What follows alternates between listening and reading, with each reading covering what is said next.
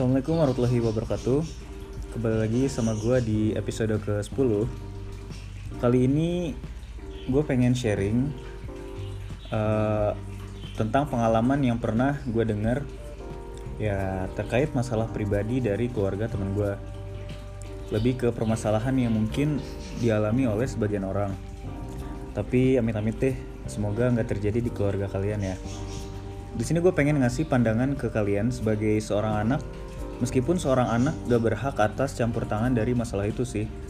Tapi seenggaknya kalian uh, bisa belajar dari cerita ini. Oke, jadi gini, di sini gue udah sama temen gue, pengen sharing opini apa aja sih yang harus dilakuin menurut pendapat dia. Dan gue juga bakal sharing menurut pendapat gue gimana. Jadi kalian bisa mengambil kesimpulan dari obrolan kita ini. Semoga bermanfaat buat kalian ke depannya atau mencegah terjadinya masalah ini timbul di kehidupan kalian. Oke jadi gini, sebelumnya gue mau ngasih info dulu nih. Kalau permasalahan ini bukan terjadi di kita, tapi di kehidupan temen gue yang maaf gue nggak bisa sebut namanya demi menjaga privasinya. Permasalahan ini lebih ke permasalahan orang tuanya sih, di mana sikap dia menyikapi masalah ini karena dia tuh posisinya sebagai seorang anak kan, dan seorang anak hanya bisa sebagai penengah nggak bisa ikut campur menyelesaikan masalah ini, balik lagi ke orang tuanya. Menurut lo nih, sekarang kan lagi maraknya nikah muda kan? Sebagai seorang cowok dan kelak menjadi seorang ayah, udah siap belum jadi pemimpin dalam keluarga nanti? Nggak harus ayah sih, buat ibunya juga. Dan kedua belah pihak harus siap ketika nikah nanti. Menurut lo gimana?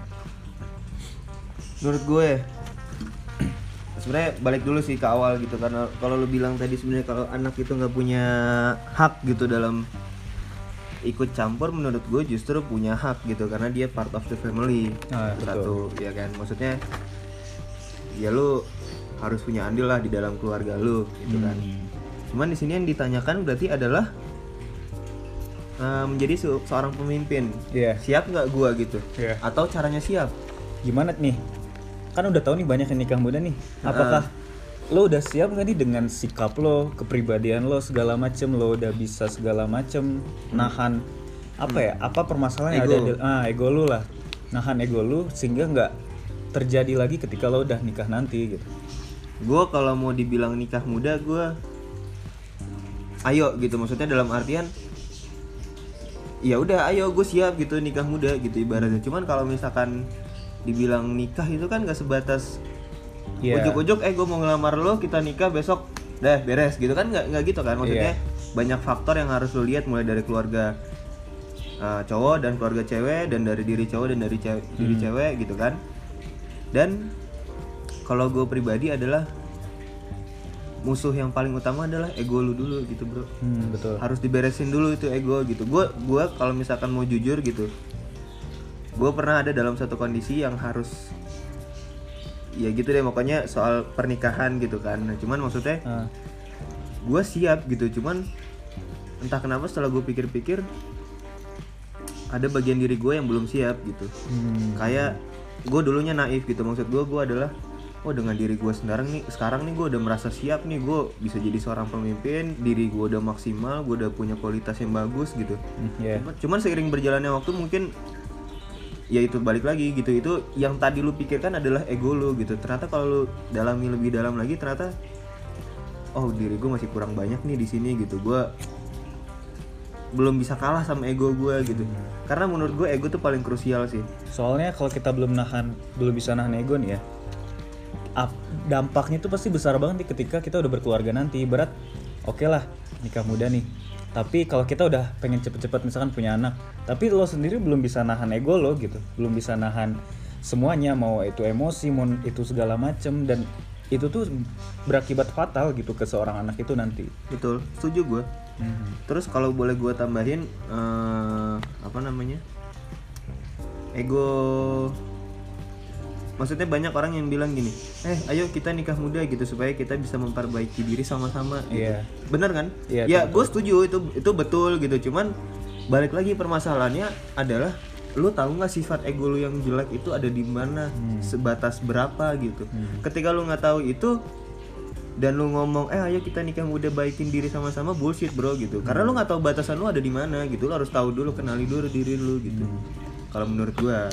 Lo kenari diri lo dan pasangan lo juga harus tahu lah eh, sifat apa aja yang harus lo kurangin Iya. yang nggak terjadi di nanti betul gitu. lu harus tahu diri masing-masing gitu. Dan antar pasangannya enak nah menurut lo nih nikah lama tuh menjamin bahwa dia adalah jodoh kamu nggak sih? Ibarat nih ya maksud gua tuh jodoh tuh langgeng sampai tua nanti nih bahkan sampai lo meninggal nanti ibaratnya gitu. Menurut lo gimana gua jujur nggak tahu sih sebenarnya. Cuman maksudnya kalau di gua adalah parameternya itu jodoh itu apa gitu. Gua sampai sekarang sebenarnya juga nggak tahu gitu parameter Hmm. jodoh ya? itu apa. Iya. Soalnya kenapa? Adalah orang nikah muda bisa cerai. Orang bisa eh, orang nikah lama pun 10 tahun eh tahu-tahu cerai gitu. Nah. maksudnya jadi parameter jodoh itu seperti apa gitu. Nggak ada yang tahu gitu. Maksudnya Hmm. ada orang yang nikah setahun gitu.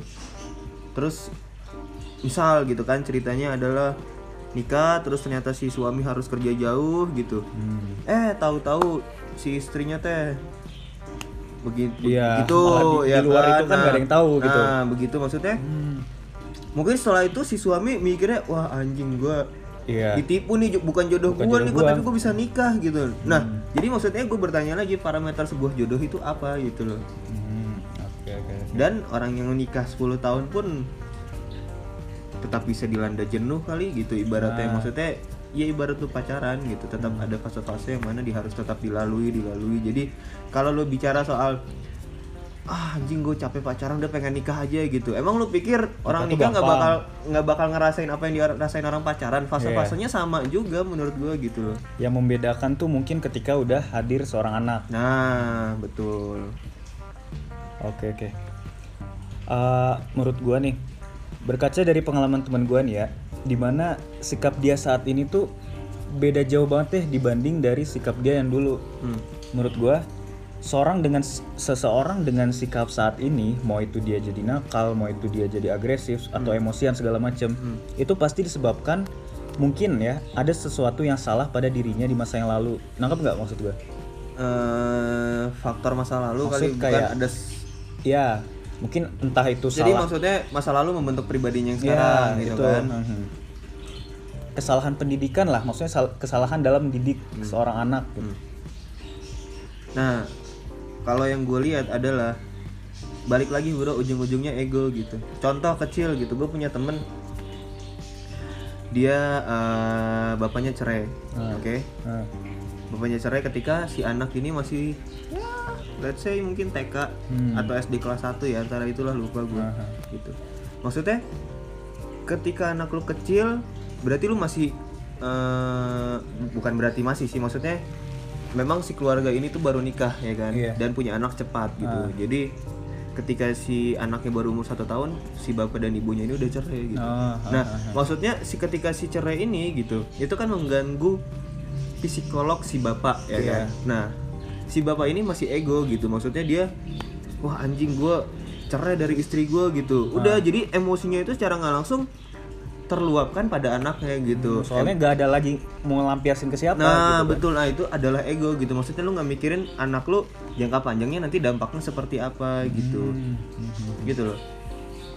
Berarti ya itu kembali lagi, udah siap belum sih untuk nikah muda ketika ya tiba-tiba mungkin dari pengalaman temen lo itu baru aja nikah tapi masih belum bisa nahan segala macam mungkin ada kekecewaan segala macam dan dilampiasinnya tuh ke, ke seorang anak gitu. Betul. padahal kita kan nggak tahu nih ke depannya si anak itu kan mas mungkin masih kecil ya it's okay masih ketawa-ketawa segala macam padahal belum paham kali ah, ya. belum paham. Tapi dengan berjalannya waktu psikologi si anak tuh kebentuk. Secara tidak langsung. Nah, betul. Memori-memori si anak tuh pasti bakal timbul di kemudian hari gitu. Ketika dia udah jadi gede, udah tahu artinya hidup segala betul. Itu semuanya tuh bakal kebentuk gitu. Dan perilaku perilaku sih menurut gua maksudnya perilaku yang tidak disadari oleh orang tua dilakukan secara tidak sadar gitu. Dalam artian contoh misal tadi contoh yang bapaknya cerai gitu kan bapaknya jadi emosian dilakukan ke anaknya gitu. Contohnya adalah bapaknya itu sering mukul-mukul diri sendiri gitu saking Iya. emosinya gitu. Nah itu secara nggak langsung kalau menurut gua ketika nanti anaknya gede anaknya pun bisa melakukan yang hal sama gitu. Dia meluapkan emosinya dengan menyakiti dirinya sendiri gitu. Loh Mhm. Soalnya kan dia mungkin nggak kepikiran bakal wah nyakitin diri sendiri. Tapi memori dia mungkin yang secara nggak langsung tuh kebentuk. Wah dulu gue pernah ngeliat orang tua gue kayak gini-gini mungkin isengnya cuma mukul-mukul biasa gitu kan. Ternyata itu dampaknya besar banget nih buat nanti. Entah itu ketika dia lagi kecewa segala macem dia luapin dengan segala macem gitu loh. Menurut satu lagi bro boleh? Hmm gimana? Menurut gue jeleknya ego adalah gini lu melakukan satu hal dengan anggapan bahwa hal ini baik tidak merugikan orang lain dan cuman merugikan gue gitu Iya. contohnya apa contohnya itu tadi memukul diri sendiri gitu ya lu mikir iyalah anak gue nggak gue pukul gitu yang gue pukul diri gue sendiri gitu dia nggak tersakiti bro gitu Hmm. tapi kalau lu pikir jarak panjangnya anak lu terkena mentalnya bukan mental apa psikolognya Iya, gitu psikolognya. cara cara cara menghadapi emosinya jadi sama kayak lu Iya. gitu itu kan negatif juga dong jatuhnya Iya, benar. Berarti penting banget nih ya dalam ngedidik seorang anak sebelum kita nyatakan bahwa iyalah nikah segala macam kita harus mikir ke depan ya. Ibarat kayak oke lah orang bilang uh, misalkan dalam kita kalau ngomong dari segi uh, rezeki emang sih nikah pembuka rezeki segala macam. Tapi ketika lo udah nikah dan lo pengen cepet-cepet punya anak itu lo harus siapin diri lo dulu gitu. Kecuali lo nikah bareng-bareng baru nyari rezeki dulu belum belum pengen punya anak dulu nih itu kan beda cerita kan betul seiring berjalannya waktu lo harus mempersiapkan apa aja sikap lo ketika lo punya anak nanti segala macem lo pengen punya anak satu dua tiga berapapun itu kan lo harus siapin diri lo dulu gitu. Ini disclaimer ya bro, Eh, apa namanya maksudnya kita bukan berdua nih bukan orang yang udah punya anak, bukan Ah. orang yang udah nikah gitu. Jadi mungkin kalian yang mendengar yang udah nikah mungkin beranggapan beda dan nggak apa-apa gitu. Maksudnya kita datang dari opini yang adalah backgroundnya eh, Kayak dengan keluarga yang kurang harmonis lah istilahnya gitu kita gimana? berkaca dari eh, pengalaman temen kita ini Ya, pengalaman temen betul. kita yang mungkin makanya kita pengen angkat jadi topik ini tuh pengalaman dia tuh menarik nih kan makanya gue pengen sharing sama lo gimana sih menurut pendapat gue pendapat lo kayak gimana gitu. Betul betul. Kesalahan dalam mendidik yang dilakukan oleh seorang ayah nih berakibat fatal sih menurut gua. Buat menjadikan seorang anak sifatnya tuh kayak gini, baik atau buruknya di kemudian harinya kan. Dan ketika rumah udah menjadi tempat yang gak nyaman bagi dia, dia bakal nyari tempat yang lebih nyaman selain di rumah. Masuk akal nggak sih? Masuk akal sih karena eh, rumah itu kan bisa banyak arti gitu maksudnya ya masing-masing orang punya definisi definisi rumahnya masing-masing lah gitu kan Hmm. dan ketika nggak nyaman ya wajar lah dia mencari rumah lain gitu Hmm. nah maksud gua adalah jangan sampai orang yang dianggap rumah gitu melakukan kesalahan fatal yang tidak dia sadari gitu loh Hmm, hmm, karena maksudnya ya ujungnya pasti penyesalan sih kalau menurut gua Iya. Jadi kayak misalkan seorang anak nih nggak betah banget di rumah, entah padahal fasilitas semua udah ada segala macam segala macam, tapi ya di ketika di rumah itu dia nggak ngedapetin rasa nyaman itu gitu. Dia lebih enjoy ketika dia keluar sama teman-temannya hangout segala macam dan dia lebih bisa uh, berekspresi segala macam. Jadi kayak mungkin seorang anak tuh punya dua kepribadian lah jatuhnya lah ya. Ketika di rumah dia kayak gini tetapi ketika di luar mungkin sifatnya berbeda gitu kan. Tapi itu menurut tuh problematika nggak sih? Problematika seseorang anak. umum di kehidupan sekarang gitu tuan ya, abad 21 gitu ibaratnya Aha, iya nggak sih iya. maksud gua adalah gini poin gua adalah ketika hal itu udah jadi problematika umum gitu hal yang biasa gitu hmm. akan banyak gitu loh kayak Ah. kayak- maksudnya karena orang akan secara tidak langsung gitu menganggap hal biasa gitu kayak ah udahlah nikah gitu terus cerai oh iya hal biasa gitu loh jadinya Iya. maksud gua tidak ada self aware gitu loh. Ini anjing dari mana sih? Berisik banget lagi lagi rekaman padahal. Hmm, oke oke. Terus terus? Sampai lupa gua nih ah anjing. Distract banyak banget nih distractnya iya jadi apa tadi? Sampai mana sih gua tuh? Iya jadi problematika umum gitu, gitulah maksud gua. Cuman kalau ditanya eh, gimana sih cara bersikap gitu dalam ketika lu ada di dalam posisi itu gitu, Hmm, Iya nggak sih? Lu pernah bertanya kayak gitu nggak sih maksudnya? Iya. Wah anjing kalau gue di dalam keluarga yang kayak gitu gue harus bersikap seperti apa nih? Gitu. iya Ya kan? bertanya-tanya sendiri sih gue kayak lebih sering gimana ya ya gitulah Gue matiin lama-lama si anjing nih bener-bener. pusing ngomongnya gara-gara distract nih terus terus eh, apa ya kalau gue pribadi gitu maksudnya gue eh, bukan meng- bukan berkeinginan ya cuma maksudnya gue memposisikan diri gue kalau misalkan ada di posisi itu gitu Hmm. dan menurut gue gitu ya ibaratnya gini gitu ketika orang tua lu udah mulai tidak harmonis mulai ada A B C D gitu ya itu urusan mereka gitu maksudnya Hmm. harus menyelamatkan diri gua sendiri gitu ketika orang gua orang tua gua tidak bisa menyelamatkan kayaknya. oh lu berantem lu ya Oke oke. Woi. Terus terus. ya Allah Ntar kita jeda dulu kita bro. jeda dulu. Dua menit Dua menit. Oke nanti kita kembali lagi. Oke Iya. lanjut lagi.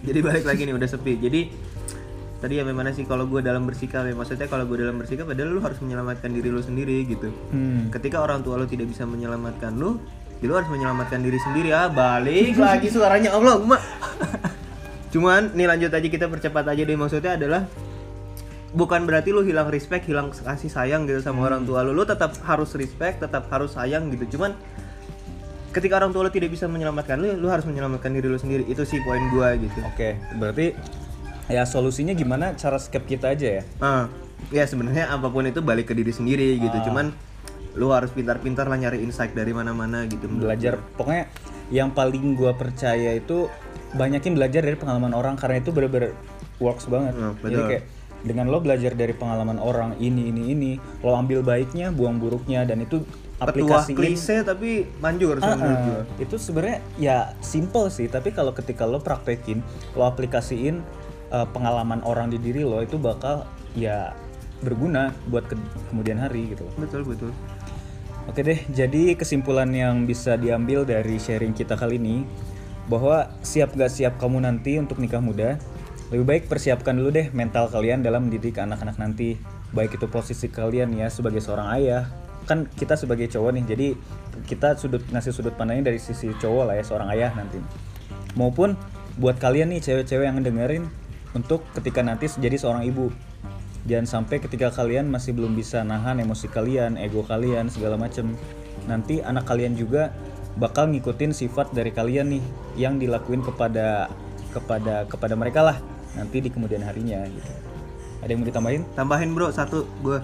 Kalau menurut gue sebenarnya kalau misalkan orang banyak yang ngomong gitu kesalahan kok selalu ada di cowok, cewek selalu benar gitu. Ah, Menurut gue itu benar gitu. Kenapa? Karena adalah ketika satu keluarga gagal yang salah ada pada di orang di ayahnya Iya. gitu. Gagal sebagai pemimpin itu udah pasti bro gitu menurut gue. soalnya ya ayah tuh yang mimpin mau itu Iya, mimpin betul. istrinya, mimpin Betul. anaknya dan lain-lain. gitu. ketika ada satu yang miss dari keluarga lu yang harus di, harus bertanggung jawab paling besar porsinya adalah si ayah gitu dia adalah Betul. pemimpinnya gitu loh benar Oke, sih menurut gua. setuju. Jadi eh, ya mungkin sekian dari podcast kali ini. podcast singkat di sore Podcast hari singkat sore hari Lembang Bandung nggak ada yang diselingi oleh ya itulah. Semoga ya kalian ambil yang baiknya ya, buang yang buruknya dan kalau misalkan kalian nggak setuju sama opini kita, ini kan cuma opini, jadi sharing pendapat kita gimana. Semoga bermanfaat buat kalian. Ya, silakan komen di bawah nggak ada ya bro Kalian kalian aplikasiin di hidup kalian dan segala macam. Semoga bermanfaat. Assalamualaikum warahmatullahi evaluasi secukupnya Assalamualaikum warahmatullahi wabarakatuh.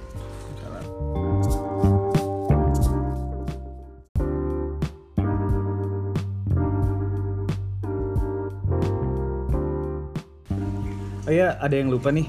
Eh, jadi ada yang mau kita tambahin sedikit. disclaimer aja sih Ya. sebenarnya bahwa maksudnya hal-hal yang sudah kita bicarakan tadi cerita-cerita gitu itu bukan bermaksud menyinggung permasalahan siapa-siapa gitu Iya. nggak ada maksudnya menjelek-jelekan atau apa gitu maksudnya ya sebagai bahan pelajaran aja buat kalian dan buat diri kita juga ya sebagai pembicaranya gitu. Mencegah ya mencegah terjadinya mungkin di kemudian hari kita harus tahu antisipasinya gimana gitu.